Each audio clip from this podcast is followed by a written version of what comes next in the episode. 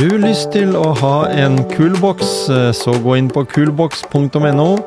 Eh, nevn at du eh, lytter på motivasjonspreik, og du får en ekstra bonus. Ja, denne episoden, der har jeg snakket med Tore Austad.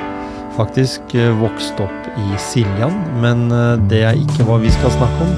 Vi skal nemlig snakke om viktige temaer innen trening og restitusjon.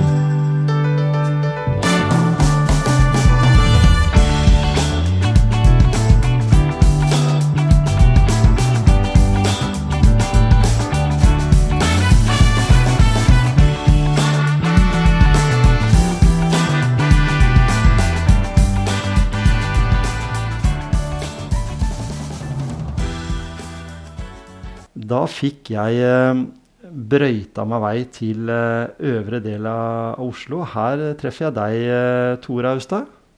Og når du sier det når jeg kommer, så sier du at du faktisk har liksom litt erfaring fra Grenland, der jeg kommer fra? Ja, det stemmer. Jeg har jo bodd i Siljan en del år. Ja.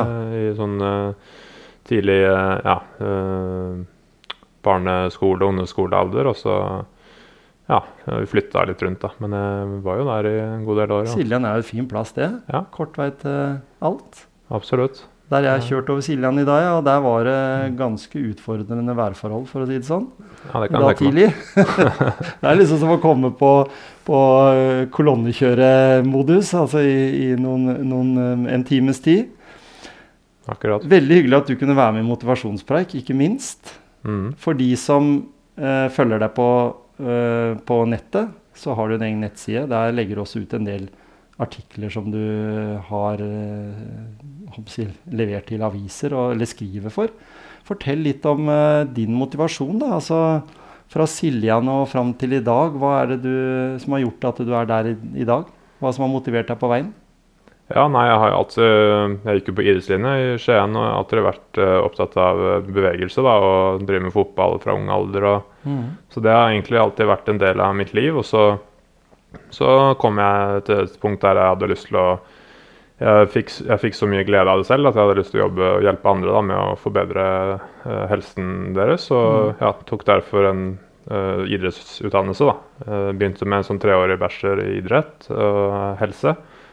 Og eh, plussa på med da personlig trenerutdannelse og sånn etter det. Og så, så har det etter hvert blitt en mastergrad, og så har jeg jo da jobba en del år nå med både som personlig trener og ja, hjulpet folk med livsstilsendring og kosthold og mm.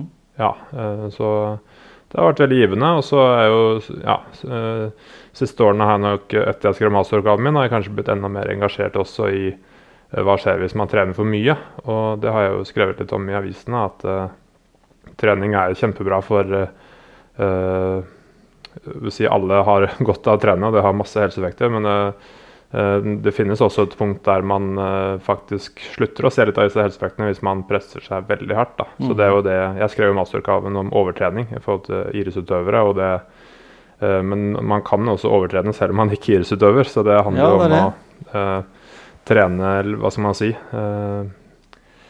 rett, uh, med rett intensitet og ja, en, en, en smart uh, progresjon. Det er jo mange som starter treninga nå i januar med sant, ekstreme treningsmengder. og Hvis man da ikke har treningsgrunnlaget fra før og starter da med å trene kjempemasse, det er da ofte skader og sykdommer som kan skje. da, og det ja, for det gjør noe med hele maskinen mennesket når du overbelaster. Det blir jo liksom litt som hvis du overbelaster bilen din, det. At det der sier bare Det er et eller annet i kroppen som, som prøver på veien å, å signalisere at du, ro deg ned litt. Eh, litt vondter her og der. Det, og så bare lar det gå over, og så går det enda lenger og så lenger og lenger. Og til slutt så ligger du under dyna og på en måte ikke orker å trene i det hele tatt. Det er ikke uvanlig.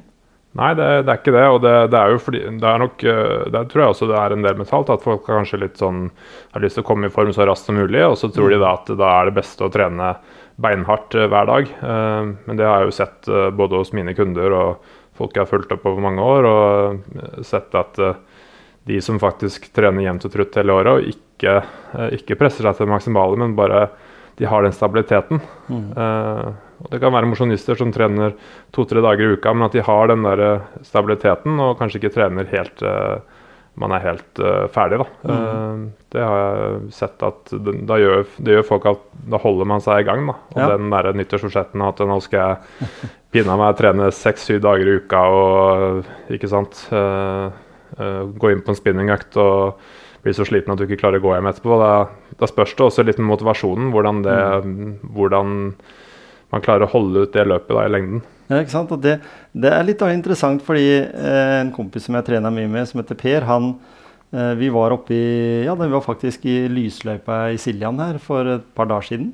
Ser du det? Eh, og der er jo Hvis du har vært oppi der, eller har ja, ja. du vært eh, Lysløypa der er jo fin fordi vi i hvert fall vi kom på glatte ski. Ganske greie løyper. Og så skulle vi stake runder da på den fem Den er den sånn ca. fire kilometer eller et eller annet sånn tre og en halv, fire kilometer, den runda. Ja. Og vi altså, vi eh, dro dit, og så staka vi tre runder.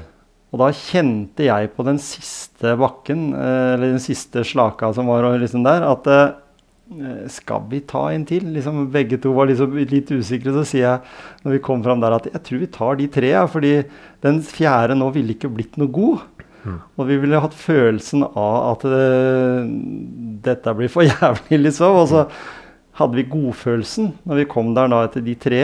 Eh, og vi var slitne nok, det er ikke det. Men da tror jeg både han og jeg har mer lyst av da til å ta en ny runde. Er det litt sånn mentalt også, at vi trener oss eh, i senk? Ja, jeg tror det henger mye sammen med motivasjon også. fordi Mm.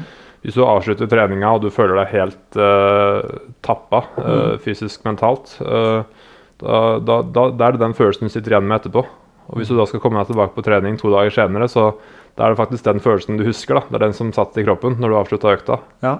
Så det jeg pleier å anbefale, er jo gi seg kanskje når, før du har tatt ut de siste 10-15 prosentene. At du har litt grann igjen i tanken. da. Mm. Det er rett og slett for at du skal bygge opp kapasiteten din over tid. at ikke For det er jo også sånn jo mer, jo større mengde trening og høyere puls vil jo også på en måte skape en høyere belastning for kroppen, så Mm. man uh, trenger lengre restitusjonstid. og det for en som er nybegynner som ikke har trent på en stund, og da trener langt ovenfor egen toleranse, da vil man også føle på at man rett og slett eh, man, man har litt vondtere i kroppen, og man klarer ikke helt å uh, komme seg opp dit man ønsker. Rett og slett fordi man trener litt for hardt. Mm. Så, Så blir tappa Altså den tappa mer enn det en la der opp, på en måte. ja, Litt sånn. ja, og det henger jo sammen med restitusjon. Hvor godt får man lada imellom øktene? Og det, det er jo ikke alle som gjør. Det er ikke alle som uh, f.eks. småbarnsforeldre eller folk som har en stressende hverdag. Og det er ikke alle som får eh, spist disse fem om dagen som helsemyndighetene anbefaler, og får nok søvn og hvile og det der. Så da det kan gå utover treningsresultatene. Mm, nemlig. Når jeg eh, snakka med deg før jeg kom hit, så var det noen temaer som var litt ålreit å belyse litt ekstra. Og som de kan også lese om på bloggen du har. Eh, og en av de tinga det er uh, som jeg brenner veldig for. Jeg har gjort det helt siden 2015, og så har jeg hatt litt sånn daft forhold til det i noen år. Og så tok jeg det opp igjen her for et par år siden. Men dette med isbading, Ja. eller kuldeeksponering, det høres liksom egentlig For det kunne jo vært at du og jeg hadde kasta oss ut i badeshorts ute i snøen her. Ja. Eller gjort som uh, enkelte andre gærninger gjør, bare gå i, gå i Borat-kostyme på et langløp på ski. Akkurat.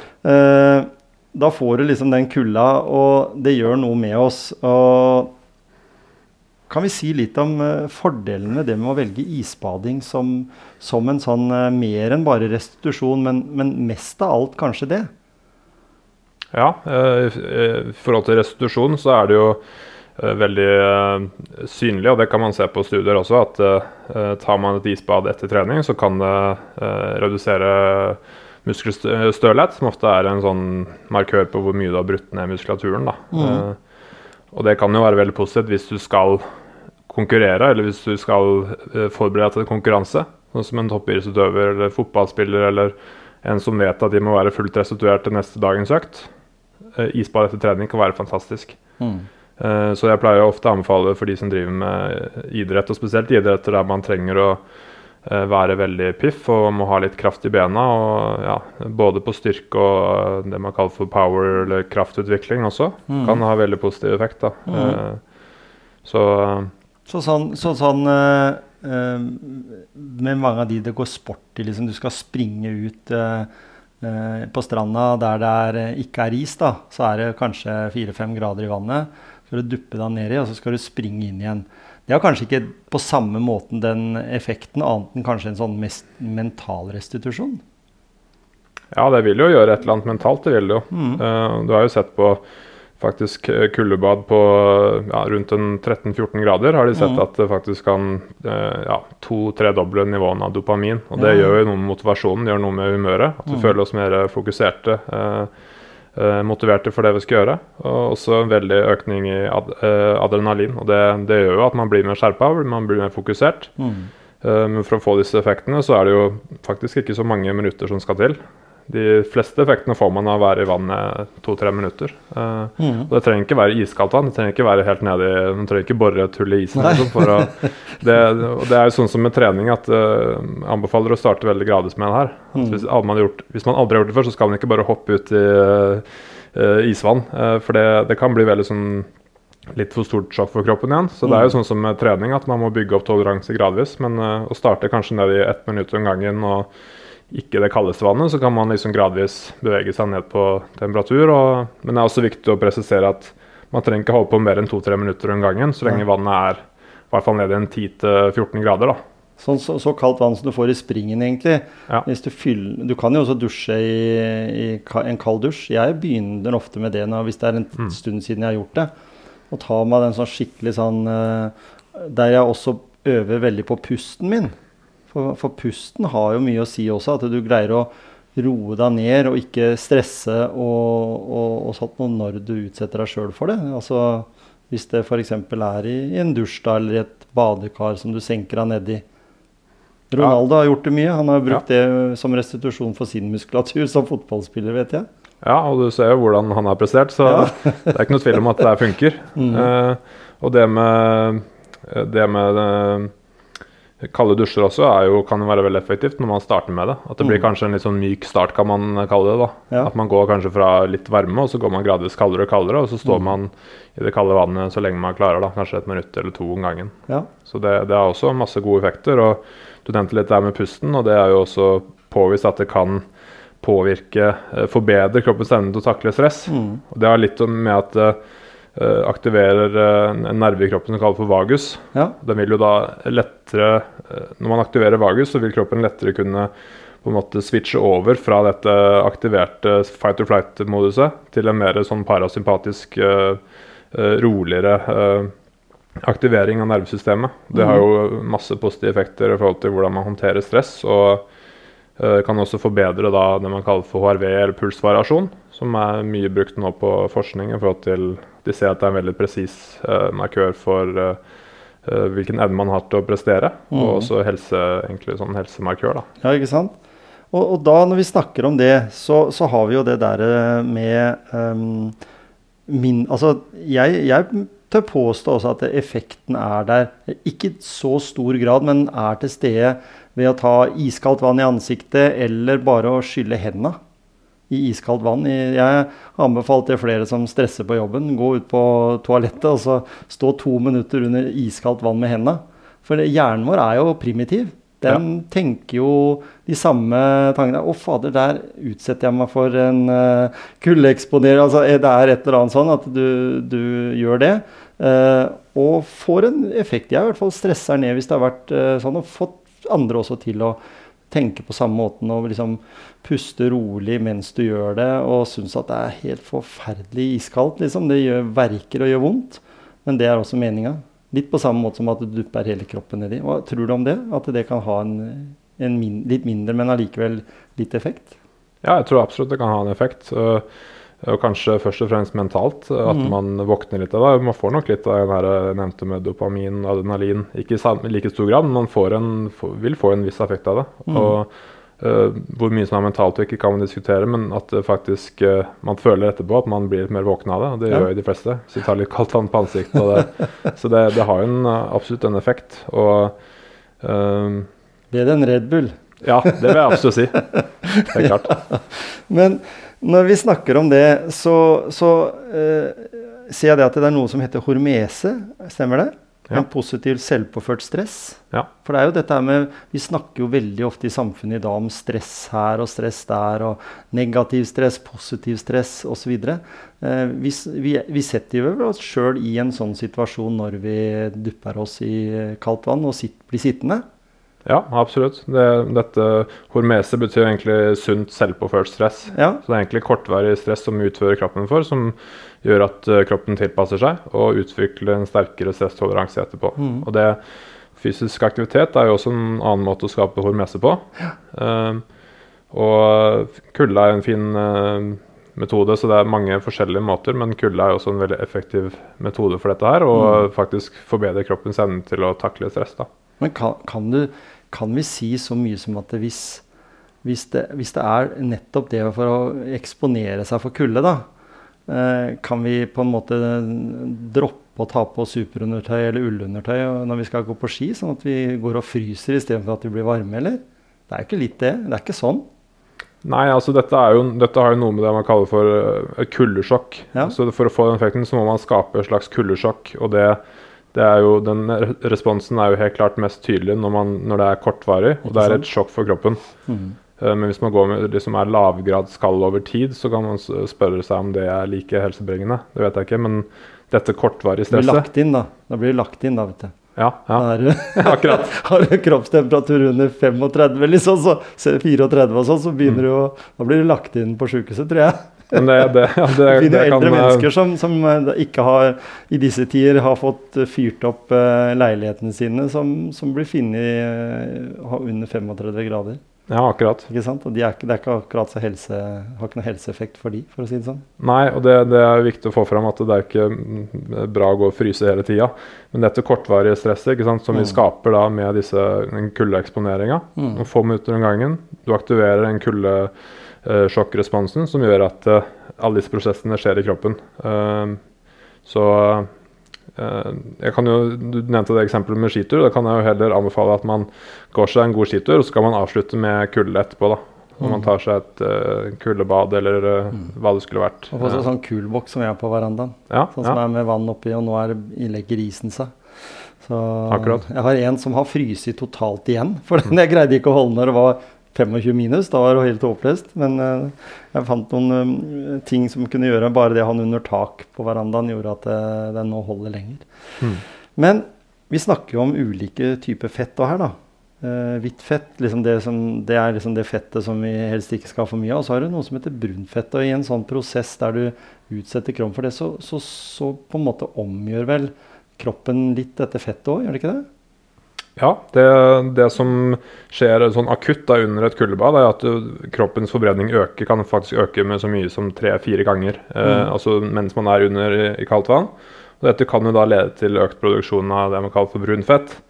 Og dette brune fettet vil jo være veldig positivt både for å regulere kroppstemperaturen, at kroppen blir flinkere til å regulere kroppstemperaturen, men også det at man eh, kan forbrenne mer kalorier. Så Mhm. Dette kan jo være veldig positivt for de som har overvekt f.eks. og har problemer med å eh, øke forbrenningen. Så i, i kombinasjon gjerne med fysisk aktivitet så ser man jo at dette kan ha veldig god effekt. Mm. Og Så ser man også på eh, evnen til faktisk å regulere blodsukkeret. At Ja. den kan bli, De har sett på diabetikere f.eks. at de har Uh, Forskning har påvist at uh, diabetikere kan få en ja, nesten 50% bedring i evnen til å regulere blodsukker etter et kuldebad. Så bra, for det er jo en av livsstilssykdommene vi får etter hvert. Som en er lite aktivitet og spiser mye usunt og legger på seg. Og det kommer jo bare tidligere og tidligere. Vi observerer jo det på enkelte pasienter ved at de kan være nedi tidlig 40, slutten av 30-åra. Noe som kanskje var vanlig i 60 når den var i slutten av 50, begynnelsen av 60-åra før. Så det på en måte kommer tidligere og tidligere ut ifra mye av den livsstilen vi har. Så da er Absolutt. det veldig lurt å, å tenke sånn. Absolutt. Når vi snakker om da det å øke fokus og velvære, det er jo én ting. Eh, jeg får sånn bestandig litt sånn kick etterpå. Jeg blir jo voldsomt. Det er ikke lurt av meg å ta det før jeg skal legge meg om kvelden, for å si det sånn. Da blir jeg sittende oppe litt. Ja. For du kjenner jo at eh, klokka begynner, og du kjenner at det går skikkelig. Du blir varm, og du snur hele, hele ovnen, egentlig. Ja. Eh, og dette her med stress har vi jo snakka om. Eh, men allikevel så tenker jeg det med immunforsvaret. Mm. Hvorfor det? Hva er det, det som gjør det? For det immunforsvaret vårt har jo blitt på en måte litt, litt ødelagt da, etter pandemi og sånn, når vi drev og sprita alle overflater og ingen var syke på nesten to år. Mm. Og så vokste det opp en generasjon unge mennesker som da plutselig ikke visste hva det ville si å være sjuk, og så plutselig så får de alt på en gang. Mm. Eh, hva kan gjøres med dette med å styrke immunforsvaret? Nei, altså Der er faktisk uh, kalde dusjer uh, seg veldig effektivt. Mm. Uh, men studie i Nederland tror jeg, var det som så på at man sto under kaldt vann i 30-90 sekunder, altså ja. under to minutter, førte til ca. 30% mindre sykedager. da, ja, ja. sammenlignet med de som tok varmdusj. Og hvis man da trente regelmessig i tillegg, så fikk man 50% reduksjon i sykedager. Mm. Og mekanismen bak det her, det, det, har nok litt med dette at man blir mer stresstolerant. ikke sant? Mm. Og denne hormese-prosessen som jeg beskriver, det betyr jo at kroppen du bygger opp kroppens evne til å takle stress. Og da vil du også naturlig forbedre immunforsvaret. Mm. At du har en sterkere resiliens, rett og slett. Da. Og det ser du også på vintersømmere, at de har ofte lavere forekomst av sånn luftveisinfeksjoner og sånn. Mm. Og det er så folk, viktig å presisere at det er folk som regelmessig driver med vintersvømming. Som gjør det, ikke sant. Og jeg må jo si det sjøl, at jeg merker at jeg, forkjølelse og sånn er jeg nesten ikke utsatt for i de periodene jeg er flink til å gjøre dette her fast. da. Mm. Uh, så, så, og det er jo deilig. Slippe å ha noen hinder på veien. Vi vil helst slippe det. Absolutt. Når, når vi nå eh, går litt videre fra dette her med, med da, uh, isbading da. Er, Isbading er jo det vi kjenner liksom sånn som det vanligste uttrykket. da, og det, det, og, Eller kuldeeksponering, som jeg også kunne ha sagt. så kommer vi på dette herre Vi er jo i januar. Vi har kommet eh, midtveis i januar. Uh, folk har begynt å melde seg inn på treningssenter. Og du som personlig trener også.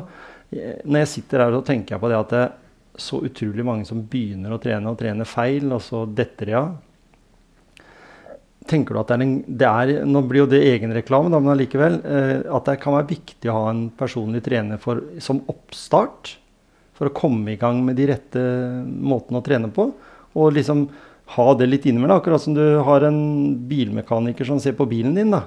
Så har du en personlig trener som kan veilede og, og gjøre de rette. At det, er, at det, er, en god investering enn å tro at du er eh, personlig trener sjøl.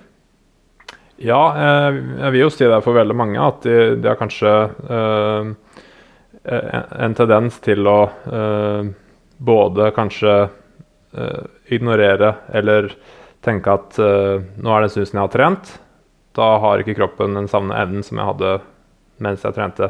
Mange har jo trent, kanskje hatt en liten pause, f.eks. juleferie, ikke sant, mye julemat. Og da blir treningsevnen dårligere. Uh, så det, det, å tilpasse, det, det er jo sånn som jeg jobber mye med med mine kunder. Å faktisk tilpasse aktiviteten litt ut fra hvordan, hvordan har formen vært de siste ukene, hvordan har det vært de siste tre månedene. At mm. man må se på totalen, på historikken. Også, men det mange gjør feil, er jo at de starter, de går altfor hardt ut. Og så bryter man ned kroppen såpass mye at da vil man ikke klare å øke uh, formen over tid. Uh, det har jo litt med dette med restitusjon som jeg snakka om tidligere òg. At man bryter ned kroppen mer enn hva som er nødvendig for å få en optimal framgang. Mm.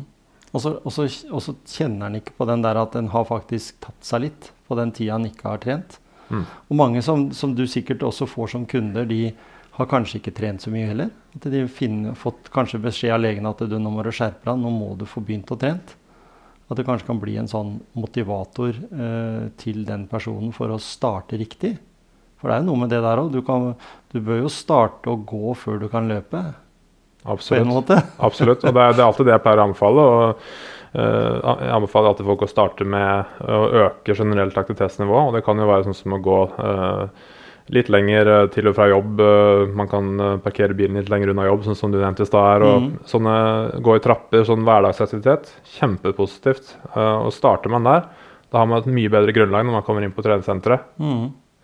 Så da har du allerede fått ballen til å rulle litt, og da er det ikke alltid så mange økter uka som skal til, så lenge man har dette jevne aktivitetsnivået.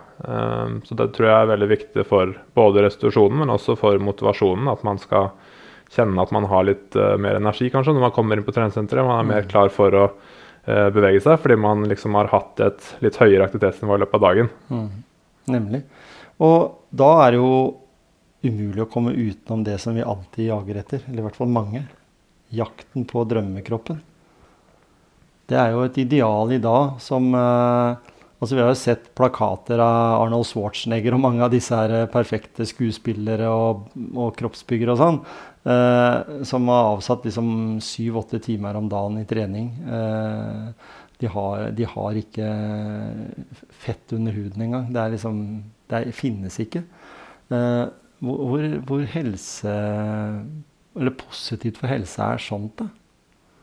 Nei, Hvis man snakker om crossbyggere f.eks., eh, de, de trener jo eh, for det første ekstremt mye. Og så kan man spørre hvor mange av de eh, tar ekstra hva skal man si, ulovlige prestasjoner for en middel eller ikke. Det er jo én ting, men bare den treningen i seg selv, kombinert med et veldig strengt kosthold, mm. det gjør at mange får veldig lav fettprosent, som ofte da kan være nede i 3-5% hos menn eh, før konkurranse. Og Det er såpass lavt at det vil jo for det første påvirke testosteronproduksjonen. Det gir for mye lavere testosteron, og det vil jo også gå utover spermkvalitet og reproduksjon. Eh, så det er én ting av det. Men eh, en annen ting mer mentalt sett er jo at mange av de blir rett og slett flater ut og får, uh, kan bli veldig deppa, og kan gå utover det mentale. Også fysiske evnen til å prestere. og Alt blir lavere, og det har jo med å gjøre at kroppen har ikke noe reservelagre i det hele tatt. Du Nei. tapper kroppen for reservelagre. Mm. Så de, eh, Jeg har hørt mange historier fra kroppsbyggere som uh, står på scenen og uh, poserer, men de uh, føler seg Det er nesten så de sliter med å stå oppreist. Ja. Går og peser oppover trapper og sånn. Ja, de er ja. helt totalt utmatta. Ja. Mm. Rart, det der, altså. Men når vi da tenker på de, det er én ting, men når vi tenker på mann og, og dama i gata, da, som har liksom Det er alltid sånn Du, du kjøper nesten badetøy eh, ut fra å se fin ut på stranda til sommeren. Eh, det er i grunnen rart, da, fordi i Norge så har vi jo ikke så mange strender. Men allikevel så skal vi se litt fine ut. da. Vi skal kunne mm, være representativ for den personen vi innerst inne har lyst til å være. Og så er det jo teknikkens verden i dag, eller fra influensernivåer og sånn, så får vi jo bare solskinnshistorien. Så vi ser liksom den sixpacken som vi snakka om her i stad, eller du ser den bicepsen, eller du ser de spreke jentene som, som er uh, tynne og idealer, da. Uh, og så er det egentlig uoppnåelig for vanlige folk. Hvis du har en jobb og hvis du har en, en hverdag som, som ja, gjør de vanlige oppgavene, så har du ikke den muligheten. Hvordan, hvordan, skal vi løse dette her? Kan, noen, eller kan du komme med noen elementer som sier at det, det er bra, det er ikke bra? Nei, Jeg tror veldig mye har med indre motivasjon, som du er også mm. opptatt av. Mm, ja. Og uh, hvis, uh, hvis, målet er å uh, komme et sted der man har sixpack, flat mage, store muskler, så kan man trene så mye man bare vil man blir aldri fornøyd, men man kommer ikke dit man vil. Nei, ikke sant? uh, så, så, det er, man, Selvfølgelig man kan komme dit, men da må man trene kanskje to timer om dagen. ikke sant? Fem-seks økter i uka. Mm. Eh, veldig strengt kosthold. Jeg tror ikke det er sunt og bærekraftig for folk flest. Eh, men det jeg pleier å anbefale, er å for det første klare å skifte fokuset litt. da, Istedenfor at den drømmekroppen skal være hovedfokuset, så kan det heller være en fin bonus av mm. å komme i bedre form. At ja, kanskje da ser du litt bedre ut på stranda. Men det, det, skal, det, skal, ikke være det som driver deg. Det skal være en, det mener i hvert fall jeg, da, at det kan mm. være en fin bonus, kan være en fin mm. bieffekt av å komme i bedre form. Så det å forbedre helsen din, komme i bedre form, bør alltid være hovedfokuset, mener jeg. Og da er jo en veldig viktig ting indre motivasjon. At man faktisk mm. får glede av den aktiviteten man driver med, og at man får lyst til å fortsette med det. Ja, For ytre motivasjon, da er jo disse eh, bildene du ser av deg sjøl i speilene, ikke sant. Uh, og hva folk sier til deg. Mm. Men det er jo den indre som gjelder. Det vil jo si at det, da er da du er eh, flink og strategisk lur. Du trener sånn, og du gjør de faste tinga. Det, det, er liksom som, som, klokka, eller som når du begynner på, gå på jobb. Det er, det, for det er også en ting, liksom, Noe av det letteste vi lærer, det er jo innenfor indre motivasjon, er jo jobben vår begynner på jobb åtte og ferdig klokka fire, liksom. Det er, det er inn, innøvd. Og kan vi greie å få trening, kosthold, livsstil inn i en sånn klokke, da, så, så tror jeg i hvert fall at, eh, at, du oppnår mye mer når vi, når vi snakker om indre motivasjon, som er den aller viktigste faktoren uh, for alt her i, i hverdagen vår. Mm. Det, det, det er viktig poeng der at uh, for disse som starter uh, går hardt ut i januar og alt det der mm. Et viktig poeng er jo å spørre seg selv er dette noe jeg kan opprettholde i seks måneder, et år. Er dette noe som jeg kan holde på med over tid? Og mm. enda viktigere, er dette noe jeg vil trives med over tid? Mm. For man ser at en av de viktigste faktorene for å faktisk lykkes med å komme i form og forbedre helse, det er jo at man klarer å holde det jevnt og trutt gående hele tiden. Og da mm. kan man ikke legge lista for høyt. Da er det mange som uh, gir opp og mister motivasjon. Og, så dette man kaller jevnt og trutt. Og der mener jeg også at kostholdet Man bør kunne tillate seg litt uh, i kostholdet. Man skal ikke bli for streng. Uh, jeg pleier jo ofte å anbefale en sånn, sånn 80-20-regel. At Hvis mm. man er flink til å spise relativt sunt 80% av tida, så kan man ta seg en liten uh, utskeielse i helga. Uh, men når det er sagt, så er det veldig individuelt ikke sant, hvordan man responderer på mm. om det er ekstra mat eller om det er alkohol. Det er jo, jeg anbefaler jo alltid på en måte, alt med måte, på en måte, altså mm. sånn moderasjon. og det tror jeg sånn for de folk flest vil fungere veldig bra. At man har litt den holdninga. er, er, det, er det så enkelt Det er jo ikke enkelt, altså, men er det så enkelt å si som at hvis du er flink til å trene.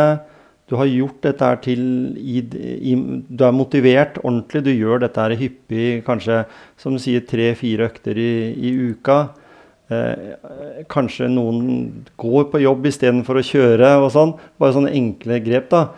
Kan du nesten sagt eh, ha et vanlig kosthold, da? Liksom, det er jo noen, vet jeg, sånn hormonelt hvis den blir eldre, sånn, som damer spesielt. Men og noen som har litt sånn stoffskifteproblematikk og sånn. Hvis vi tar bort de, vanlige, friske, sunne, eller sånn forholdsvis friske, normale mennesker, kan, kan det være så enkelt at den spis det du har lyst til hvis du trener. Mens jeg er jo sånn hvis det er en uke jeg har kjempevanskelighet for å få det til, og trene så mye, så må jeg også greie å gå ned på maten. Det som jeg gjør at jeg, jeg legger meg på meg, det er at jeg spiser akkurat det samme som jeg gjorde den uka før jeg trener mye.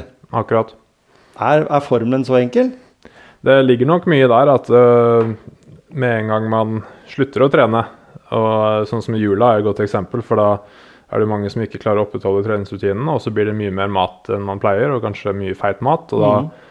uh, Det vil jo føre til at mange kan legge på seg, og da må man jo på en måte kompensere for det i etterkant. Og det ser man jo, ikke sant, denne trenden med at i januar da starter folk Da skal de trene masse, ikke sant. Treningssentrene er overfylt og uh, Men, men jeg, altså jeg, har prøvd eh, masse ulike dietter og ja, drevet med periodisk fasting. Masse forskjellig lavkarbo. Uh, men det jeg har sett fungere for folk flest, det er rett og slett uh, å spise liksom i ja, moderate mengder. da, Ikke spise for mye. Uh, og selvfølgelig økt inntak av proteiner mm. i forhold til trening er jo veldig positivt. Og også grønnsaker med tanke på metthetsfølelse. Så de to tingene er jo en ting jeg alltid anbefaler. Og, men hvis man spiser et godt sammensatt måltid da, med, med, proteiner, eh, litt uh, grønt på tallerkenen, så, så, tror jeg jo på en måte de fleste klarer å ikke overspise. Mm. Uh, det er jo det det handler om, å ikke overspise. Mm. Men at man klarer å spise til man er kanskje 80% mett. da. Ja. Jeg, jeg, er sånn å finne ut at det, det som funker for meg, det er at jeg er ikke sånn veldig frokostmenneske. Så jeg eh, spiser, eh, begynner aldri å spise noe før klokka 11-12. Eh, og da slutter jeg også å spise ved sjutida på kvelden. Fordi det er alltid den der spisinga etter sju som er verst for meg. Det er da du liksom ikke har helt kontroll. fordi hvis du har vært aktiv gjennom hele dagen, hvis jeg ikke er strukturert og finner ut at ah, så sulten, ja, da kan du spise nesten hva som helst når du først begynner. Så du må være ganske sånn rigid mot seg sjøl. På morgenen så, så syns jeg det er helt greit. Da kan jeg jobbe til lunsj, og så spiser jeg lunsjen. Og så Hva tenker du om det der med å ha heller at du spiser deg mett, men ikke overmett? Og heller ha færre måltider. For det er jo en ting vi gjør mye her i dag. Når vi har mellommåltider, så er det ikke bare frukt og grønt eller fem om dagen. Men vi spiser mye annet òg. Vi blir tilbudt sånne poser med nøtter eller eller andre sånne ferdigsmurte Vasa knekkebrød med, med mye sukker og, og, fett og sånn. Altså, hva er det som er det greieste å gjøre? Er det banan, eller er det et eple, eller sånt som, som, hvis en må ha mellommåltider? For det, er det noe sånn Jeg hørte et sted på en podkast hvor noen som sa at metthetsfølelsen, rumling i magen og sånn, det forsvinner ganske fort hvis du bare tenker på noe annet. Da mm. glemmer hjernen vår det. Ja, jeg tror jo mye av den der småspisinga som øh, øh, den, At man spiser mellom måltider, Mm. mye av det henger nok sammen med kan være selvfølgelig blodsukker, at man har blodsukkerproblemer. Og da kan jo sånn som fysisk aktivitet være veldig positivt. ikke sant? Det beveger seg mer. Og det ser man jo også på øh, Man kan måle blodsukkerresponsen etter et måltid, og det er ganske unikt med disse blodsukkermålerne som har kommet nå. Mm. Da kan man jo se at øh, hvis man beveger seg, øh, i hvert fall innen en time etter man har spist, og man bare går seg en tur, så vil det ha en mye mer positiv effekt på blodsukkeret. Så det å få en bedre blodsukkerregulering vil nok Mm. for veldig mange føre til at de spiser mindre mellom måltider, men også at de klarer å gå lenger uten mat. Ja. Så jeg tror ikke at løsninga for uh, Ola Nordmann er å spise uh, annenhver time, liksom, og bare småspise hele tiden. Det tror jeg ikke er gunstig. Jeg tror uh, man må ha regelmessige måltider. Uh, i hvert fall, jeg pleier i hvert fall å anbefale to-tre hovedmåltider om dagen, og så kanskje Mm. ett mellommåltid. da. Mm. Men dette må jo også tilpasses i forhold til hvor aktiv man er. og eh, Det er jo ikke alle som responderer like bra for eksempel på å kutte ut frokosten. Eh, det, er nok veldig individuelt. Mm. Jeg, jeg også, som du beskriver, pleier ofte å eh, i hvert fall utsette frokosten en time eller to etter jeg står opp. Og, men det, det tilpasser jeg ofte i forhold til hvor aktiv er dagen min. Mm. Så hvis jeg vet at det skal være mye bevegelse, eh, fysisk aktivitet, da har kroppen et høyere energibehov. Mm. Så da må jeg kompensere for det, enten i forkant eller etterkant. At uh, man må tilpasse litt, og der ligger nok mye av nøkkelen. Det å tilpasse energiinntaket i forhold til forbruket. Ja, ikke sant? Ja. At det er lurt. Fordi eh, vi er jo mindre i aktivitet nå. Eh, noen sier jo det at eh, ja, hvis du skal spise sunt og normalt, så spis sånn som besteforeldrene dine spiste, eller kjøp den maten de kjøpte. Men det forutsetter jo at du har en forholdsvis aktiv hverdag. Fordi våre besteforeldre og oldeforeldre var jo mer aktive enn det dagens, eller vi er. Vi har jo mye mer stillesittende jobber veldig mye enn det det var, var før. Nå riktignok, når det har kommet liksom en meter med snø, så får vi drive og, og, og brøyta litt snø. Men det er også da det er flest innlagte med hjerteinfarkt òg. Ja. Så det er- sier noe om den her, eh, hva, hva evnene våre er, eller hvor vi er hen i, i dagens samfunn i 2024. da.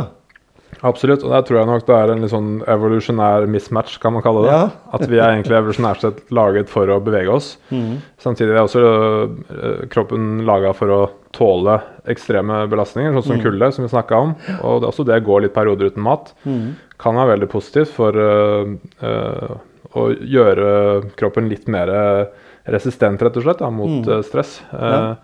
Men så er det jo sånn som alt at om man trener mye, er veldig aktiv, eh, da, da har man allerede ganske mye et høyt energiforbruk. Mm. Ikke sant? Så det, det er veldig stor forskjell på hva jeg anbefaler til en som beveger seg eh, minimalt i løpet av en dag. Mm. De må nok være enda forsiktigere med hva de spiser. Men en som er aktiv en time eller to om dagen, de klarer ofte å uh, regulere blodsukker bedre, de klarer å regulere appetitt bedre. sånn at de, de kan fint klare å spise litt uh, mer øh, karbohydrater, uh, høyere energiinntak, da, Mm. uten at de får noen problemer av det.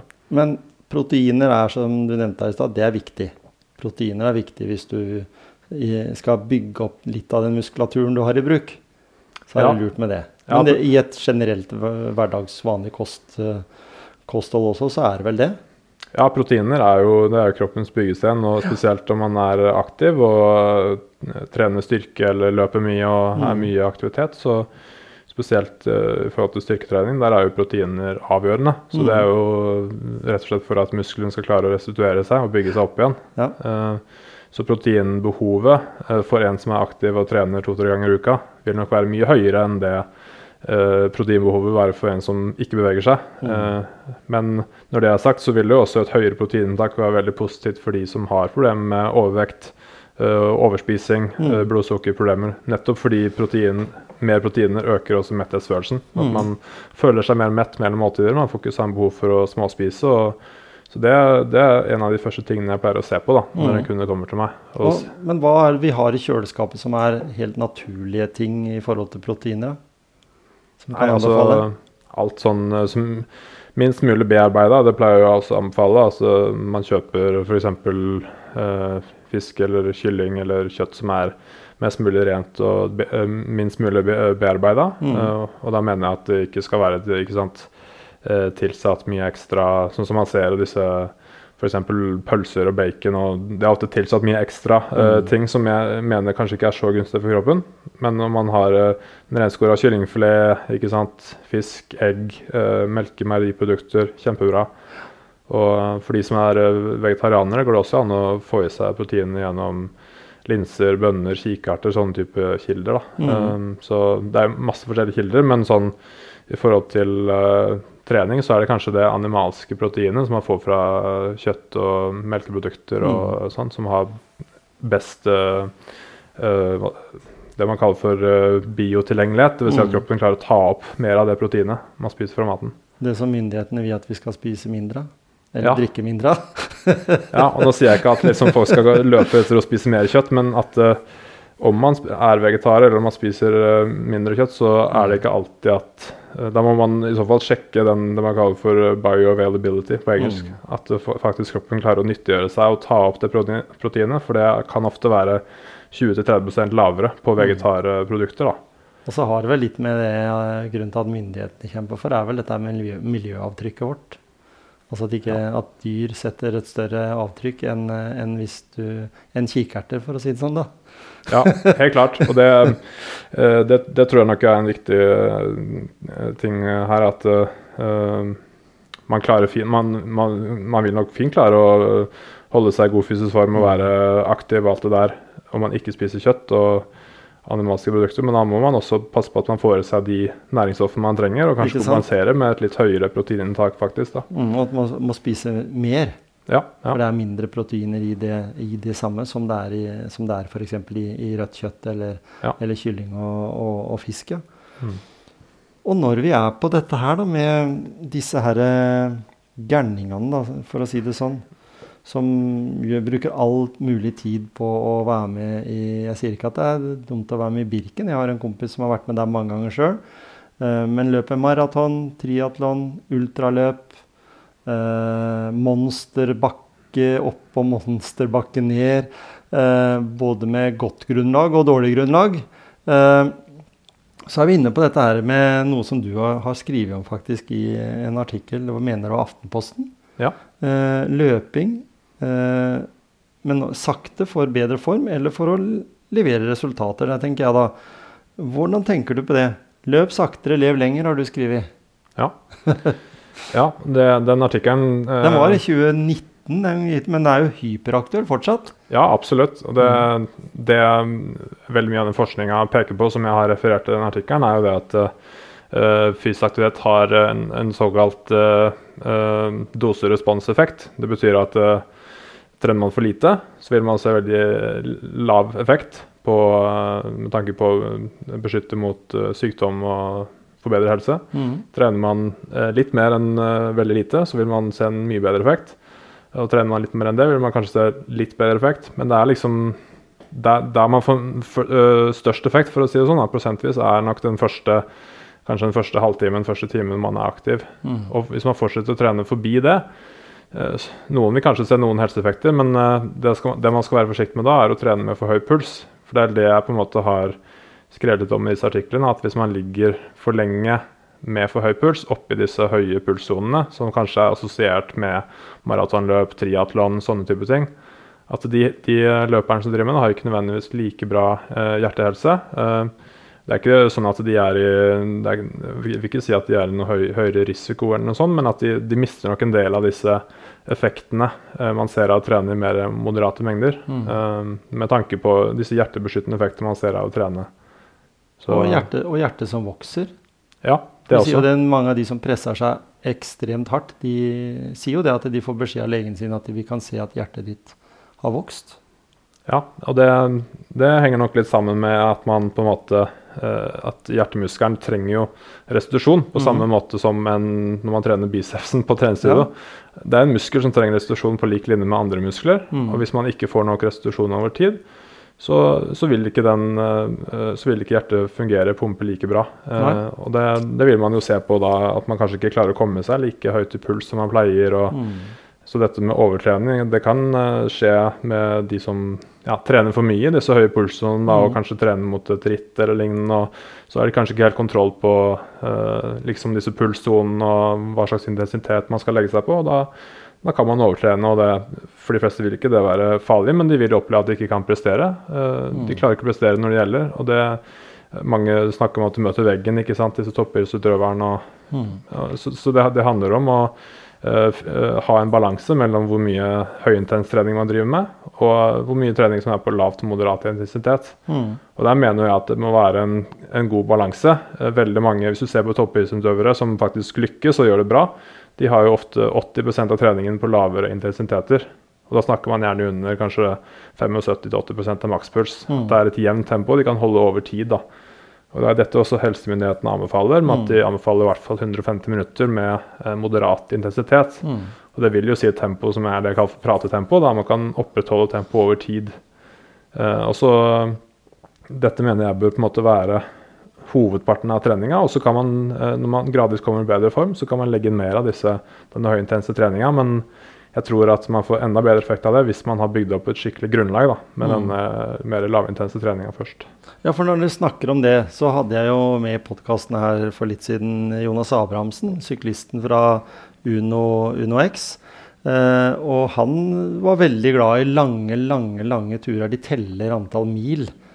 Uten at det er noe så spesielt. Det er liksom sånn søndagstempo.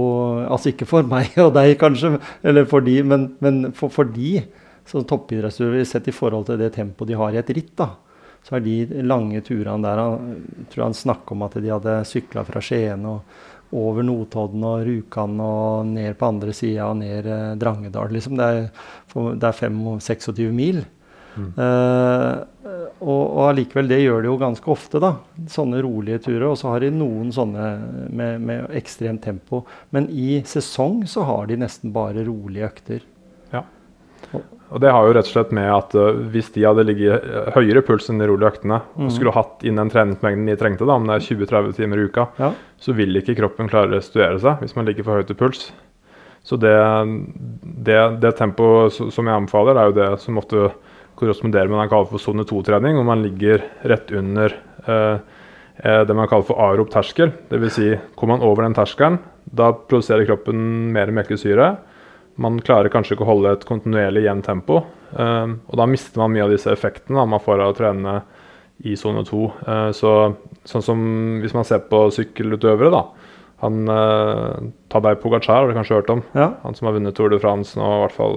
Han var den yngste Tour de France-vinneren på over 100 år. Mm. Ekstrem utøver. Og han, uh, han trente jo over 90% av treninga si i sone 2 mm. før han trente seg opp til Tour de France. Ja. Og det, det, der ligger nok mye av nøkkelen. Å klare å uh, legge seg på et tempo som er litt under melkesyre, sånn at man klarer å holde et kontinuerlig mm. tempo. Da får mm. man masse gode effekter, ikke bare på kondisjon, men også rett og slett på helsa. At det kan forbedre det man kaller for metabolsk helse. At kroppen blir bedre til å forbrenne fett som energikilde.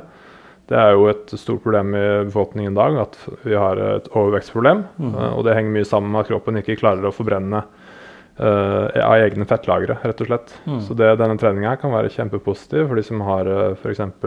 Ja, problemer med metabolsk syndrom, overvekt, diabetes. At man rett og slett klarer å uh, forbrenne mer fett under aktivitet. Da. Mm. Så det, uh, og det kan være en veldig fordel for de som driver med utholdenhetsidretter også. Da klarer man å holde ut lenger. Mm. Så, så, så, en person da som trener moderat, liker å gå turer. Eh, og en kan gjøre det med god samvittighet. En liker å ta seg en liten løpetur, kanskje bare rundt kvartalet med en venninne eller en venn. Eh, og liksom gjerne kunne prate mens en løper også. Da får du både en sånn sosial greie, men du får også en, en, en økt puls, da, men ikke opp i den sonen som du sier. Eh, en skal liksom føle at en har god samvittighet da. Har går med hunden f.eks., og hun går en litt lengre tur med et par-tre motbakker, så, så, gir det en effekt. For det er ikke mange minuttene eh, daglig eller sånn, og også ukentlig som du behøver å, å, være aktiv heller for å få en bedring. Absolutt. Nei, det er jo eh, denne hverdagsaktiviteten som er inne på her, og det mm. å klare å eh, nå disse eh, anbefalingene. Det har de jo sett på folk som når helseanbefalingene for fysisk aktivitet, mm. som er da 150 minutter i uka. To og en halv time med moderat intensitet, sånn som vi snakker om her. At mm. man går kanskje eh, Noen må kanskje gå med en sekk eller litt motbakke for å få pulsen opp hvis man er veldig godt trent. For en utrent holder det å kanskje bare gå, gå seg en tur. Mm. Uh, og for de som er veldig godt trent, kan uh, man løpe og oppnå den samme uh, effekten. Da. Mm. og da en veldig fin Uh, ting som du er inne på der, det er jo det at man bør kunne klare å snakke underveis. Så det at man får dette uh, sosiale behovet tilfredsstilt i tillegg, er jo kjempebra. Så da kan man jo slå to fluer i en smekk. De beste møtene husker jeg Arne Hjeltnes sa en gang uh, i podkasten her. At det var de gangene han var med han Erling Kagge, når de jobba sammen.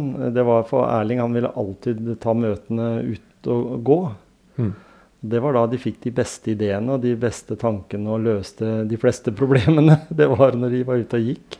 Så det kan jo dere som lytter på podkasten også ta til dere når dere er ute og går med noen. At eh, kanskje i starten, de første to, tre, fire minuttene, så er det litt stille, men så begynner eh, det er lov å si skravla å gå, og så løser en både verdensproblemet, og så får en trening samtidig. Er det ikke litt sånn? Ja, absolutt. Det er, eh, det er jo kjempebra. Vi vet jo hvor eh, stort problem dette med uh, sosial isolasjon og ensomhet der også. Mm. Så hvis man klarer å få dette sosiale behovet tilfredsstilt samtidig som man er aktiv, så tenker jeg det er kjempepositivt. Og så nevner du dette mentale som skjer når man er i aktivitet. Da mm. vil man ofte kanskje uh, Tankene vil få uh, vandre litt, og man, man man, man, kan ofte den evnen til å løse problemer f.eks. etter man har sittet foran datamaskinen eller hatt en lang arbeidsdag, jeg tror det ofte eh, man kan få en veldig gunstig effekt der da, på det mm. mentale. Mm. Både på at man får uh, lavere stress, og det har du jo masse forskning på. Uh, men også på dette at man kanskje klarer å se løsningen på problemer, og uh, at veldig mange problemer kan bli løst da, mens mm. man er ute og går seg en tur. Så Ikke sant? Ja. Så, når, så når politikerne da sier at de har sittet på et et møterom på et hotell for å løse problemene for Norge, så er kanskje ikke det det beste. De burde heller bare gått seg en tur. ja, kanskje. Men jeg tenkte sånn mot slutten, så jeg har lyst til å spørre hva er det du gjør da, for å holde deg i form? Nei, jeg trener jo uh, veldig variert. Uh, jeg er like opptatt av uh, styrke som kondisjon. Jeg mener begge to er veldig viktig. Mm. Og så er jeg opptatt av å gjøre noe jeg liker å drive med, og at det skal være lystbetont. Så jeg, jeg, jeg har nok mye variasjon på treninga. Uh, men, så jeg pleier jo stort sett å være i aktivitet en time, uh, halvannen om dagen. Mm. Og så varierer jeg på Nå er jeg vel akkurat den fasen jeg er nå med treninga, så er jeg vel, ja, har jeg kanskje tre-fire styrkeøkter på studio. Noen ganger så blir det sånn ja, hjemmetrening med litt enklere utstyr og sånn. Og så er det kanskje eh, Nå på vinteren så er det jo en del skiturer, da. Uh, og da, da, er jeg kanskje oppe i en sånn Ja. Uh, en vanlig fin skitur for meg kan være bare gå i helt rolig tempo i en uh, ja, 12-13-14 km. Ja. og så kan det være av og til at jeg tar en sånn slags intervalltrening hvor jeg går litt høyere i puls. men det, det, pleier å variere litt på, da. Sånn at ja, for vi, jeg er jo her hos deg, og, og, jeg ser jo det er jo mye natur rundt her òg. Så du behøver vel ikke gå så langt, eller? For du må ikke kjøre av gårde for å gå på ski, eller er det at du må det? Nei, her kan jeg faktisk gå på ski ut døra og ut ja, i skiløypa. Ikke sant? Akkurat nå også. Eh, akkurat nå. Så kan vi det òg. Men det er, ja, det er kort vei til naturen her, og det ja. er veldig positivt. Er ikke det bra? Uh, veldig positivt. Og det, jeg tror også det å trene ute i naturen, det er også noe jeg har blitt mer glad i med årene. at det, gir nok Det har de også sett på eh, studier også, at uh, i forhold til dette med stress som vi snakka om, og hvor mye problemer man har i samfunnet med for høyt stress, mm. så er nok det å være ute i naturen kan ha enda bedre effekt. da. Ja. Uh, på at man får roa ned, og man får uh, skifta fokuset litt. Uh, så det, det er i hvert fall sånn jeg har som mål, å i hvert fall ha en, sånn lang tur i uka ut i marka. da, så Det mm. trives jeg veldig godt med. Det, det er deilig, det. altså. Og her snakker vi om er det I Oslo så har jo da ved Østmarka, Vestmarka, hva snakker vi om her? Eh, dette ligger jo mest nærme Østmarka, ja. ja ikke sant? det er nærmeste, mm. Der er det jo masse løyper og uh, både ski og uh, på sommeren uh, veldig fint turterreng. Så. Og det må vi jo skryte litt av i Norge, da. At selv om vi har blitt latere som mennesker i Norge også, så og, og, det har gått ned altså Det er jo tall som tyder på at det er 75-80% inaktive mennesker i, i Norge, eh, så har vi jo veldig gode muligheter. Fordi vi snakker om hovedstad i en uh, middels stor uh, by, da, altså, eller land, mener jeg. Oslo er jo vel én million eller noe sånt tilknytta mennesker også. det er ikke alltid det er liksom så kort vei til Østmarka, Vestmarka. Du har liksom du finner noen muligheter. Du har Battstur helt ned ved Operaen. Og, og i ja. Skien også så har vi jo kort vei til alt av natur rundt oss. Så uten Akkurat. sammenligning mellom Oslo og Skien, for det er ganske stor forskjell. Men allikevel, vi har jo alle muligheter og alle forutsetninger for å kunne ha et innafor det som burde være noen vanlig Altså gjøre noe med vår motivasjon til I og med at det er så kort vei til de områdene. Absolutt. Jeg vil nok si uh, uh, infrastrukturen er kjempebra for å være fysisk aktiv her. Du ser mm. det jo på Nå bygger de ut mer mulighet for sant, sykkelveier og uh, gangveier. og det hele tatt Naturen er såpass nær òg at mm.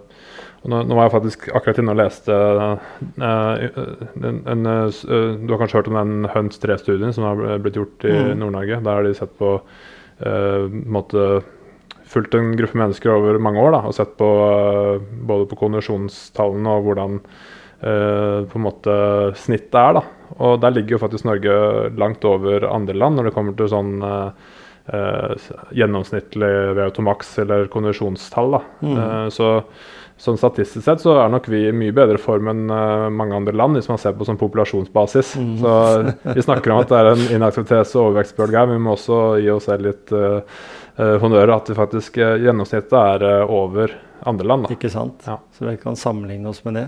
Ja. Så vi er langt fra den forferdelige som er i, borti USA f.eks., som fleste jeg snakker med som har vært der på en ferietur eller noe sånt, veldig, blir veldig lei seg når de ser mennesker Eh, kommer ut og inn fra disse her eh, hamburgersjappene. Som, som eh, det er mye mer av der borte. Eller sånn, er det det, det som kommer der fra fastfood-segmentet? Ja. Heldigvis er vi fortsatt også litt flinkere til å, til å lage mat og, og, sånt noe i heimen, kanskje. At det er mer vanlig med kjøkken i, i Norge enn det er i mange andre land. Ja, det tror jeg. Mm. Uh, og også dette at vi nordmenn er uh, født med ski på beina, som du sier. Ja, ja. At vi liksom har, kanskje mange har vokst opp med at fysisk aktivitet har vært en uh, naturlig del av uh, livet. Da, og det, mm. Sånn er det jo ikke for alle, men forutsetningene og mulighetene her er veldig gode. da. Mm. Og så Det at man lager mat fra bunnen av, det er ofte en av de kanskje de hovedingrediensene mener jeg da, mm. for å, et godt kosthold. Og så burde ja. vi Det har jeg tenkt på mange ganger. Uh, vi vet jo dette her at vi har en kultur- og idrettsminister. Uh, men kanskje sette kommuner og sånn litt opp mot hverandre. Jeg hadde veldig lyst til å, si til ordføreren i Skien her for noen år siden at kan ikke vi skryte at vi er den, den kommunen i Norge med best kondis? Er det så feil å si det, liksom? At vi kan på en måte skryte på oss, i hvert fall. Og så kan det motivere folk til kanskje å, å gi litt ekstra. For en må jo innrømme det at Eh, når, når en kommer til legen i dag, så, så, vil jo fastlegen din helst ikke si til deg at du er feit. Nå sier jeg ganske sterkt, for det her er jo et alvorlig problem for mange. da. Eh, fordi eh, det er ikke derfor eh, den personen kommer til legen, det er fordi den har vondt i ryggen. Eller, eller andre ubehag pga. Eh, vekta si, da, eller altså inaktive livsstil. Mm.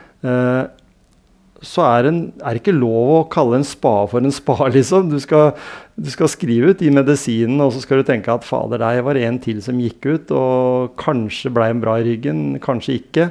Eh, hvorfor kan ikke myndighetene i Norge si at eh, nå legger vi alle forhold til rette for at eh, arbeidsgivere skal belønnes for å tilby eh, muligheten til å gå til og fra jobb, eller eller få en halvtime med å gå tur med alle andre kolleger, og så kunne spise etterpå. At det, at det viser seg jo i sykefraværet at det går veldig ned når en motiverer eh, ansatte til sånt. Mm. Eh, er ikke, det, det, er en liten kostnad for staten når vi tenker at eh, Nav, eller altså sykepengeuttaket, er i hundretalls milliarderbeløp i, i Norge, da, som et lite land. Og så er det egentlig ganske små, små ting en behøver å spytte inn for å forebygge, tenker jeg. Ja, jeg er veldig for uh, trening i arbeidstida, og at uh, myndighetene legger til rette for det, som du sier. For det, det, det, å sitte for mye i ro det er jo en av de største risikofaktorene her mm. når vi mm. snakker om disse livssykdommene. Så det å, det å, bare komme seg opp fra pulten noen minutter om gangen Jeg pleier ofte å anbefale disse man kaller det sånn mikropauser, da man bare kommer seg litt opp fra stolen. Mm. og Det kan være så enkelt som bare gå litt i trapper eller gjøre noen pushups eller mm. noen sånne enkle øvelser.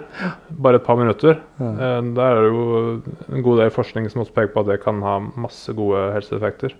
Så de små pausene og komme seg litt opp og bevege seg, kjempebra. Mm. Og Da må jeg si det til deg, Ånund, som uh, sikkert hører på podkasten her. Ånund Olsen han er uh, med i den Vitapro-reklamen, faktisk. Han uh, gjør masse fysiske ting. Men han husker jeg sa det en gang at en ting som var veldig bra trening den gangen han måtte bytte ut knærne sine, det var at mens han sto og venta på den kaffekoppen på den, på den maskinen som de da brygga kaffe på jobben hans, så tok han knebøy. Hver gang han tok en kaffekopp, så tok han knebøy. Eh, en annen ting eh, var eh, så enkelt som at eh, en eldre Det var vel bestemora til Gisle Johnsen, tror jeg, som eh, la igjen fjernkontrollen borte ved TV-en. Mm. Måtte bort og, og, bytte kanal og tilbake igjen. Fikk den derre bevegelsen der til og fra TV. Enkle, ganske kreative ting.